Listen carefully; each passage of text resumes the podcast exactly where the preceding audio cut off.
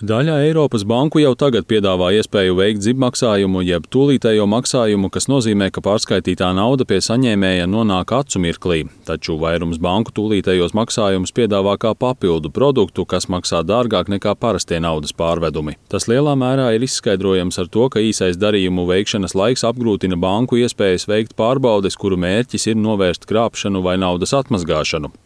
Eiropas komisija 2022. gadā ierosināja jaunus tiesību aktus, lai šo pakalpojumu padarītu obligātu.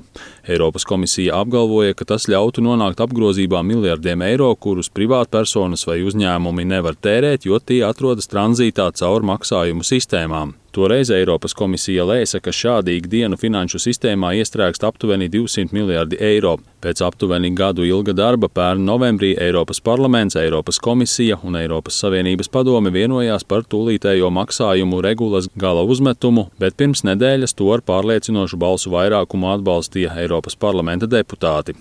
Regula paredz, ka turpmāk visi bezskaidras naudas maksājumi eiro notiks ne ilgāk kā 10 sekundes, un tūlītējos maksājumus varēs veikt jebkurā diennakts laikā un jebkurā dienā. Turklāt šos maksājumus varēs veikt no vienas Eiropas Savienības vai Eiropas ekonomiskās zonas dalību valsts uz citu. Eiropas parlamenta deputāts Mihils Hohevēns, kurš bija iesaistīts likumprojekta tapšanā, uzsvēra, ka jaunie noteikumi atvieglos Eiropas Savienības iedzīvotāju ikdienu. Tas ir kaut kas ļoti konkrēts, kas Eiropiešiem patiesi rūp viņu ikdienas dzīvē. Vai esat kādreiz aizdomājušies, kāpēc sūtījums no tiešsaistes mazumtirgotāja jūs sasniedz ātrāk nekā maksājums no drauga citā Eiropas Savienības dalībvalstī? Kāpēc ēpastus visā pasaulē mēs varam nosūtīt sekundes laikā, bet maksājumam no Beļģijas uz Latviju joprojām nepieciešamas divas līdz trīs darba dienas? Mūsu maksājumu sistēma ir balstīta uz pagājušā gadsimta 80. gados radītu sistēmu. Ar regulu par tūlītējiem maksājumiem mēs beidzot ieejam 21. gadsimtā. Ir pēdējais laiks, lai tūlītējie maksājumi kļūtu par realitāti Eiropas iedzīvotājiem, jo viņi varēs izmantot vienkāršākas maksājuma iespējas. Eiropas uzņēmumiem, jo tiem samazināsies izmaksas, un Eiropas maksājuma pakalpojumiem, jo tie kļūs arvien konkurētspējīgāki. Arī Eiropas Savienības komisāre finanšu tirgus jautājumos Marēda Maginesa uzsvēra, ka tūlītējie maksājumi ir svarīgi visiem iedzīvotājiem un uzņēmumiem. And instant payments have a really powerful impact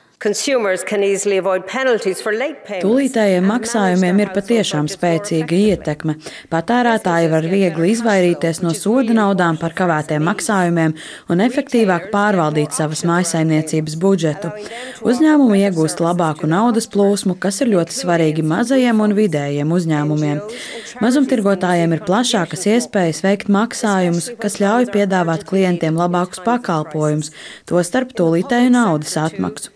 Nevalstiskās organizācijas un labdarības organizācijas var ātrāk saņemt iemaksas, jo īpaši, ja līdzekļi ir steidzami nepieciešami krīzes situācijās. Arī valsts sektorā ir priekšrocības naudas plūsmas un nodokļu ieņēmumu iekasēšanas ziņā. Mēs neesam cēlumlauži šajā jomā. Šis regulējums ļaus Eiropas Savienībai panākt Brazīliju, Indiju, Austrāliju un apvienoto karalisti, kur tūlītējie maksājumi strauji attīstās.